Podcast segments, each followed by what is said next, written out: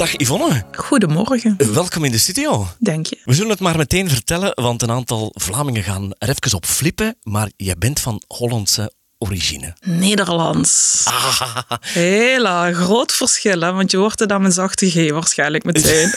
je, je hebt goed geoefend of is dat origineel vandaar? Ehm, nee, het is echt wel origineel. Dat, eh, dat is iets, eh, het zit in de genen. Veel Nederlanders houden van onze Vlaamse zachte G. Hè? Eh, ja, dat wel. En eh, het is wel een leuk kantje wat het met zich meebrengt. Oké, dus je hebt niet die diepe keelsound. Die... Nee, nee, dat lukt zelfs niet. Ah, met de beste goed. wil van de wereld niet. Ja. En hoe bevalt het jou in Vlaanderen? Want je woont in Vlaanderen. al 25 jaar en langer ondertussen. Ben inderdaad eh, ja, na mijn studies vrij vlot eh, de grens overgegaan en nooit meer teruggegaan. Dat zegt genoeg, denk ik. Kijk eens aan. Jij bent hier omdat ik graag een antwoord zou willen geven in deze aflevering. Wat Taoïsme met geluk te maken heeft. Want dat is iets wat jou bezighoudt. Taoïsme, zeg ik dat juist? Ja, dat is juist. Voor mij natuurlijk is dat allesomvattend. Eh het begint natuurlijk inderdaad heel simpel dat het iets is van een kennis van een volk. Chinese volk, oudheid, verbonden met het tantrisme, maar ook verbonden met eh, zelfs een Arabische kennis, wat veel mensen niet weten dat dat een beetje gelijkmatig opgegaan is destijds. Het is iets wat in je leven eigenlijk komt. Je zit op dat moment in een status van overleven. En Taoïsme gaat over voortleven. We gaan daar straks dieper op in. Maar je hebt op dit moment een goed draaiende Taoïstische praktijk. Je hebt je handen vol, heb je mij verteld. En verschillende mensen komen hier achter deze microfoon zitten, bekende en minder bekende Vlamingen, die door het spreekwoordelijke dal zijn gegaan. Die hebben eerst diep gezeten en die zitten natuurlijk nu op een andere hoogte en die delen hun kennis. Dat was ook bij jou zo, als ik het goed begrepen heb. En ik ben vooral geïnteresseerd hoe jij uit die put bent geraakt. Heb ik dat goed begrepen dat jij 14 jaar samen geweest bent met een narcistische persoon? Ja, klopt. En het eh, etiket narcisme zal waarschijnlijk nog eh, vrij zwak uitgedrukt zijn. Eh, het was een hele dominante man, een hele manipulatieve man.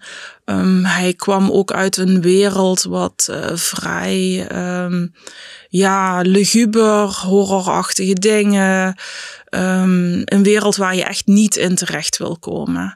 Ik zat er eenmaal in en van daaruit eh, was ik vrij geïsoleerd, als we niet zeggen volledig. Ehm, geen vrienden meer, geen kennissen meer, volledig eh, opgesloten. En nu zit ik eh, met een microfoon voor mijn neus, maar toen vaak met een camera. En wat ga je dan doen? Ja, je wil je tijd doden, want je bent eenzaam. En van eenzaamheid had ik maar één ding en dat was eh, boeken en internet op dat moment. En zodoende ben ik beginnen te lezen en ben ik bij het Taoïsme terechtgekomen. En dat was een openbaring dat ik zoiets had van... Oké, ik blijf niet overleven, ik blijf niet in deze status zitten. Ik moet een plan bedenken om hieruit te geraken. Uit het leven, uit wie ik nu zelf ben. Het niet allemaal alleen bij hem leggen, maar ook naar mezelf kijken en naar mezelf spiegelen van... Ja, wat ga ik doen? Inderdaad, want ik hoor de luisteraar nu al denken: 14 jaar, waarom ben je er niet van weggegaan? Heel makkelijk. Ehm, ik zeg altijd van, eh, mensen hebben me daarop aangesproken en dan zeg ik van, je hebt geen idee wat de consequenties geweest zouden kunnen zijn. En die waren op dat moment voor mij heel vergaand. Dus eh, het was iemand waar je niet zomaar bij wegging. Dus ik heb daar echt bijna een plan van aanpak moeten gaan bedenken. En uiteindelijk is dat inderdaad wel tot een goed einde gekomen. En als ik de boekjes mag geloven, dan zijn er veel meer mensen in deze situatie dan dat wij nu kunnen vermoeden. Gigantisch. Is jammer eigenlijk, hè? Ja, zonde. Heel veel mensen spreken er niet over. Er zit ook een, natuurlijk een heel, heel groot gevoel van schaamte en schuld op voor mensen. En ja, natuurlijk, eenmaal als je ook geïsoleerd bent, dan die eerste stap maken naar iemand om erover te praten is heel moeilijk. Ja. Zeker eh, in, in onze maatschappij. We gaan niet zomaar naar een therapeut of naar een psycholoog of, of een hulpverlener. En als je ook nog eens in die situatie zit met een narcist, krijg je vaak gewoon de mogelijkheid niet. Inderdaad. En de Vlamingen hebben dan nog een grotere schroom. Die gaan sowieso heel laat naar een hulpverlener. Dus dat wordt hier moeilijk en meer voorkomend. En meer nog, zo'n mentaal misbruik, dat heeft uiteindelijk, hoe het nu draait of keert, ook fysieke consequenties. Klopt. En daarom was het Taoïsme voor mij inderdaad een openbaring, omdat um, ik zat met heel veel uh, fysieke klachten. Uh, ik had als vrouw zijnde endometriose, uh, CVS ontwikkeld, fibromyalgie en nog een heel deel diagnoses ondertussen. En ik had zoiets van, oké, okay, waar komt dat vandaan? En dan ga je inderdaad, als je daarin verdiept, ja, dan, dan krijg je inderdaad inzicht van oké, de emoties is in verband met dus inderdaad die ziekte. Als ik iets aan die emotie doe, kan ik ook iets aan mijn fysieke gesteldheid doen. Hm, dat is toch al een hele grote stap, want hoe zoek je uit wat de emotie of waar de emotie vandaan komt? De Chinese leer heeft er eigenlijk een, een heel duidelijke visie van. Die verbindt inderdaad bepaalde organen met bepaalde emoties. En ze hebben een heel mooi spreekwoord. En dat is eigenlijk dat ze zeggen van iemand die meer dan 100 dagen met een bepaalde emotie loopt, die wordt daar ziek van op dat orgaan. En ja, dat is, dat is zo duidelijk. Dat zie je heden ten dagen bij veel mensen. Die moeten we even herhalen. 100 dagen ik, eh, ik ben even getriggerd nu. We gaan die even herhalen. Dat is een heel belangrijk. De eerste keer in mijn leven dat ik dit hoor. Als een emotie 100 dagen in een lichaam huist, dan heeft dat weerslag op een orgaan of het orgaan. Is dat een beetje hetzelfde wat Christiane Beerland in haar lijvig boek beschrijft? Ja, zij maakt ook inderdaad die connecties. Zij kijkt ook altijd naar het psychische stuk, het geestelijke stuk. En uh, legt daar ook het verband inderdaad naar de organen of naar het lichaam natuurlijk. En um, je ziet inderdaad, ik zie dat ook bij mij in de praktijk inderdaad, heel vaak als mensen beginnen bepaalde emoties te verwerken of te doorleven nog eens of er de ruimte voor geven, dan merk je dat dat orgaan ergens een soort genezingsproces krijgt en dat ze ook minder fysieke klachten daardoor krijgen. Dus is het een kwestie om te achterhalen of om te starten bij welke klacht heb ik, welk orgaan zeurt op dit moment. En dan kan je in dat boek van Christiane Beerland, want misschien moeten we dat ook eens aanstippen en beschrijven. Het is een vrij lijvig document waar, waar de orgaanproblematieken staan uitgelegd. Dus je zoekt naar een orgaanproblematiek en dan krijg je een uitleg waar het vandaan zou kunnen komen. Dat is de weg die jij ook bewandeld hebt. Het is inderdaad zo van, um, in het Westen zijn we heel erg bezig met van ja, ik ben ziek en ik neem medicatie en dan ben je eigenlijk die ziekte aan het onderdrukken. Als je inderdaad de connectie legt naar de emotie en je gaat inderdaad kijken van iemand heeft verdriet, verdriet zit in de longen bijvoorbeeld, en je komt in een nieuwe situatie en je, je wordt terug gelukkig, dan krijgt dat verdriet veel meer, minder ruimte natuurlijk. Natuurlijk, je neemt dat wel mee. Het is niet iets wat je wegstopt of loslaat. Het is een onderdeel van jezelf. Maar doordat je het wel begrijpt, je verdriet, en eventueel ook nog eens doorleeft en doorvoelt, heb je wel zoiets van, ik begrijp het, het mag er zijn. Maar dan krijg je inderdaad van het, het gevoel van het verdriet is opgelost ergens. En daardoor heb je minder klachten, bijvoorbeeld met ademhaling, met inderdaad de druk op de longen, vocht op de longen, noem maar op. Dat mhm. heeft wel degelijk een, een rechtstreeks verband. Ja, dus wat je zegt is, een medicijn is niet voldoende, dat onderdrukt alleen maar. Maar je moet dieper naar de oorzaak gaan en dan pas kan je het oplossen, want anders komt het na het uitwerken van het medicijn, komt het sowieso terug. Ja, inderdaad. Je ziet het ook heel vaak bij mensen dat ze wel eens zeggen van, goh, ik, ik zie het zelfs bij mijn eigen grootmoeder. Ehm, die had uiteindelijk had die, uh, longkanker heeft ze gecreëerd. En dat je zegt van, die vrouw heeft nooit gerookt, heeft nooit in een slechte omgeving gezeten. Hoe kan dan zo iemand longkanker creëren? En als je dan kijkt van verdriet, ja, zij heeft heel veel verdriet gekend in haar leven. En dan, dan begrijp je ook van, ah ja, maar daarom juist die longen. En ja, die arts heeft natuurlijk zoiets van, ja, we weten niet waar het vandaan komt. Maar als je dan inderdaad die connecties pakt van ook in je eigen familie van ah ja, ja, die heeft dit meegemaakt, dat orgaan, die emotie altijd meegeleefd, en dan gaat er echt een hele grote lamp branden. Absoluut. Laten we even de donkere periode afsluiten. Ja. Dus dankzij de Chinese geneeskunde, het Ja. meer bepaalde Taoïsme en ook een beetje het boek van Christiane Beerland, ben je erin geslaagd om bij jezelf te raden te gaan en te zeggen: ik kan niet in deze narcistische relatie blijven zitten. Juist. En je bent eruit gegaan. Dan heb je waarschijnlijk een lange weg afgelegd. We komen dan van bij vandaag. Je hebt een Taoïstische praktijk op dit moment. Jij ontvangt mensen die je dan wil helpen. Maar eerst wil ik even naar jouw website gaan, want daar schrijf jij: Mijn ziel is doordrongen met de Oosterse levensfilosofie en met de oude spirituele wijsheid. Graag begeleid ik je met deze eeuwenoude kennis en inzichten. Delen is helen. Dat vind ik ontzettend mooi geschreven. Oké, denk je? Leg dat eens even uit. Wat bedoel je daarmee? Jouw ziel is doordrongen. Dat is heerlijk om te lezen. Ehm, natuurlijk eh, doordrongen. Je, je hebt heel. Ik, ik ben natuurlijk qua uiterlijk ben ik heel westers. Ik ben natuurlijk. Ik ben blank. En ik heb altijd zo'n gevoel gehad van heimwee. Heimwee naar wat. Ja, oké. Ben daardoor ooit dus in, aan de ene kant in Mexico terechtgekomen. Had daardoor meteen zoiets van, oké, dit ken ik, dit voel ik. Ehm, mooie zijsprong misschien, inderdaad. Eh, ik ben vandaag 12 jaar getrouwd. Oh, proficiat. Dank je. Eh, wij zijn destijds in Mexico getrouwd door een shamaan in een cenote volgens de Maya-traditie. Ik wist daar dus niets van. Ik heb dat geregeld en die shamaan had zoiets van, dit, is, dit klopt niet helemaal. Want hoe kan een westerse vrouw weten hoe de traditionele huwelijk er destijds uitzag? Ik zeg, ik weet het niet. Ik voel het. En dat voelen had ik namelijk ook toen ik in Azië terecht kwam. En hoe meer dat ik zelf zoiets had van voel, wat zit er in je, had ik ook veel meer zoiets van, er zit in, in ons allemaal eigenlijk een bepaalde kennis, een bepaalde wijsheid.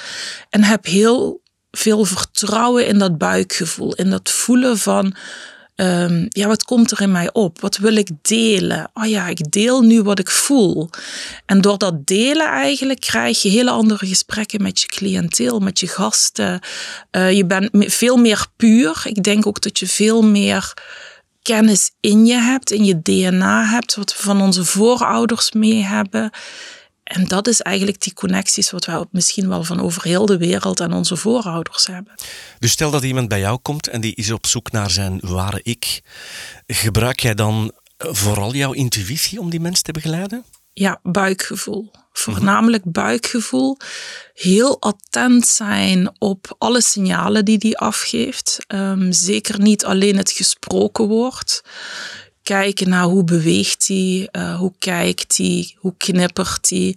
Ehm, ik heb natuurlijk het voordeel dat ik ook heel vaak de mensen mag aanraken. Door het aanraken raak je ze veel dieper. Je ziet ook veel meer van het lichaam. Ademhaling gaat anders, de trillingen zijn anders. Ehm, je krijgt een hele andere connectie met ze. Ja. Je bedoelt dat een deel van jouw praktijk ook massage is, hè? Klopt, Ja. inderdaad. Ehm, en dat ehm, doordat ik de combinatie kan maken, krijg je dat ik met het gesprek soms iets confronterender kan zijn. En daardoor kan ik dat dan eh, met de zachtheid eh, in de massage, kan ik dat dan weer het harde kantje ervan afhalen. Maar door het duidelijker die confrontatie, die spiegel voor te houden, wat ik doe, ja, krijgen mensen gewoon een duidelijker beeld. Is dat leuk? Nee, zeker niet. Ik doe het zeker niet om mensen te kwetsen. Maar ik ben misschien dan een van de enigen die hun zo duidelijk die spiegel voorhoudt dat ze bij dat punt komen waar ze anders niet komen. Ik denk dat we dat ook eens even moeten verduidelijken met een voorbeeld. Stel, iemand komt bij jou en die heeft een probleem met een partner of een potentiële partner. En je voelt daar van alles. Neem ons eens mee in zo'n proces als je wil. Um, ik laat ze eigenlijk eerst eens vertellen van um, wat, is het, wat, wat denken hun dat het probleem is. Dan begint het al heel vaak uh, met het woord ja, de partner. Dan heb ik al zoiets, dan gaat mijn nekhaar een beetje rechtop staan. En uh, van daaruit ga ik dan inderdaad kijken van wat is hun stuk hierin. Dus uh, heel voorzichtig ga ik dan kijken van ja, hoe reageer jij? Hoe is die combinatie tussen jullie?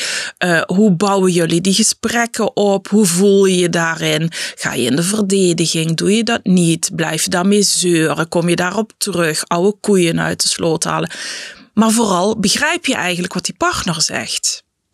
En als die partner iets zegt, is dat iets wat in die partner zit of is dat gewoon iets wat jou triggert? En dan bedoel je vooral onbewust wat ze niet uitspreekt, maar de boodschap die ze geeft. Dat bedoel je? Ja, klopt. Okay. En ook heel vaak ga ik dan naar de patronen kijken van oké, okay, uh, welke partner heb je nu? In welke status zit je? En dat wat de partner in jou triggert, is dat bijvoorbeeld ook wel iets wat familiaal is. Dus inderdaad, uh, lijkt jouw partner bijvoorbeeld toch wel lichtelijk op je moeder. Oeps. Of uh, ja, dat is vaak een oeps, is dat. En hoe reageer jij dan? En als je dan reageert, um, ja, kijken van in welke rol ga jij zitten? In de rol van je vader of in de rol van je moeder? En ja, dan moet je soms wel eens inderdaad even tegen de schenen schoppen en zeggen van, hey, je lijkt nu op je moeder. En dat wil niet iedereen horen, maar we kennen allemaal dat liedje van Stef Bos, papa, ik lijk steeds ja. meer op jou. Zeker als je iets ouder bent en dan al een aantal relaties hebt gehad, komen vaak dezelfde issues ook terug. Ik kan me levendig inbeelden dat hier heel veel weerstand op zit dan bij die persoon?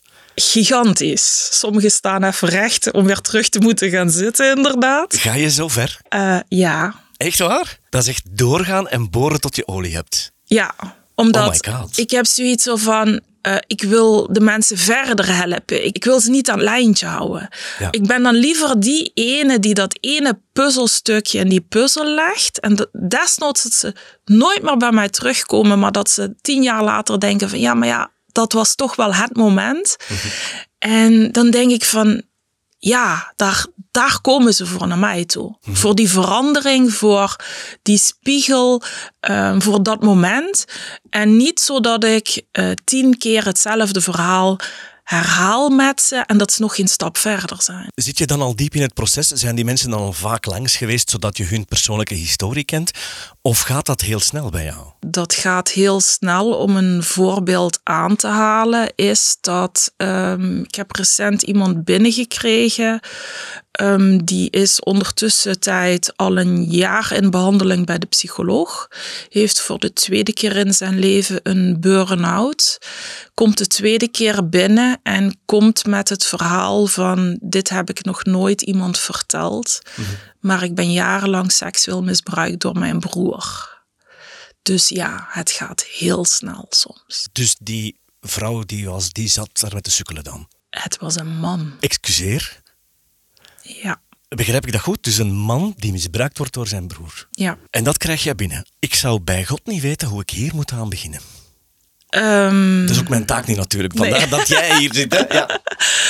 ja, heel vaak kan ik dan gelukkig toch uit mijn eigen rugzak heel veel uh, meenemen daarin. Ja. Um, ik, heb een, ik heb ook heel veel mannen ondertussen al gehad met seksueel misbruik. Okay.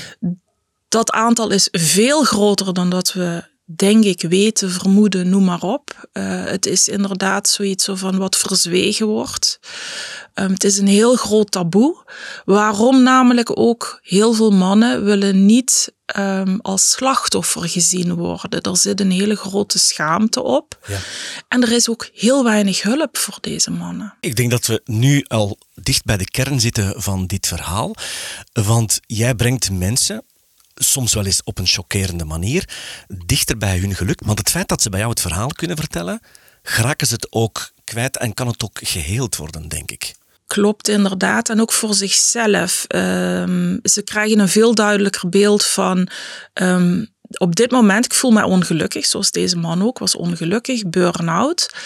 En het effect van uh, zijn dagdagelijkse leven met zijn vrouw, kinderen, maar zeker ook in zijn job. Hij liep altijd op een bepaald iets vast. Waarom dat hij daar niet gelukkig in was op een bepaald niveau. Terwijl hij nu eigenlijk zoiets heeft van. Ah ja, maar dat lag dus aan dat feit. Ik heb dat heel die tijd meegedragen. Nooit die connectie gezien. Ehm, nu dus inderdaad ook naar huis gegaan. Zijn vrouw het vertelt. Uh, zijn huisarts het vertelt. Dus hij heeft ook echt zoiets van... er is iets van hem afgevallen. Ja. En dat geeft al een gevoel terug van... Ik voel me al een stuk gelukkiger al. Ja. Gewoon omdat het, het is eruit. Mhm. De ondertitel van deze aflevering zou kunnen zijn: Ook mannen worden misbruikt. Maar dit is een uh, podcast over geluk, beste Yvonne. Dus ik denk dat we nog een beetje dieper moeten graven. Hoe kunnen wij het Taoïsme linken met geluk? Wat zit daar nog in die... Is het, het is geen wetenschap, het is een filosofie eigenlijk, hè? Ja, het is, het is eigenlijk een volkswijsheid. Oh. Ja, dus, ja. eh, Dus, dus ik, dus ik herhaal mijn vraag. Wat kunnen wij nog halen uit deze volkswijsheid in de richting van geluk? Ik denk heel erg dat je moet gaan voelen naar jezelf. Het, het is sowieso kijken naar jezelf en gaandeweg kijken bij Taoïsme. Dat is een hele mooie wijsheid, omdat het biedt puzzelstukjes aan.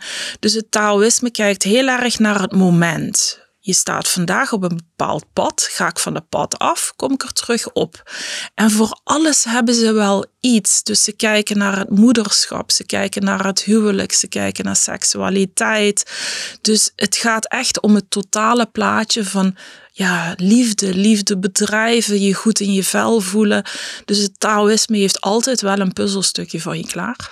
Voor elk probleem eigenlijk, of voor elke situatie. Klopt. Is het een beetje psychomatisch dan? Op alle vlakken. Niet een beetje, maar helemaal. Ja. ja. En soms kan het twaalf jaar duren voordat je het door hebt. Nou, ik denk zelfs dat het nog wel langer bij mij heeft geduurd. Als ik daarvoor ook nog denk. Maar als je dat nodig hebt, heb je dat nodig. Ja. En als je dan tot de conclusie komt van het klopt, is het toch goed? Ja. Linken zij dat ook aan voeding bijvoorbeeld? Voeding, uh, ja, inderdaad, lichamelijke uh, oefeningen die je kunt doen.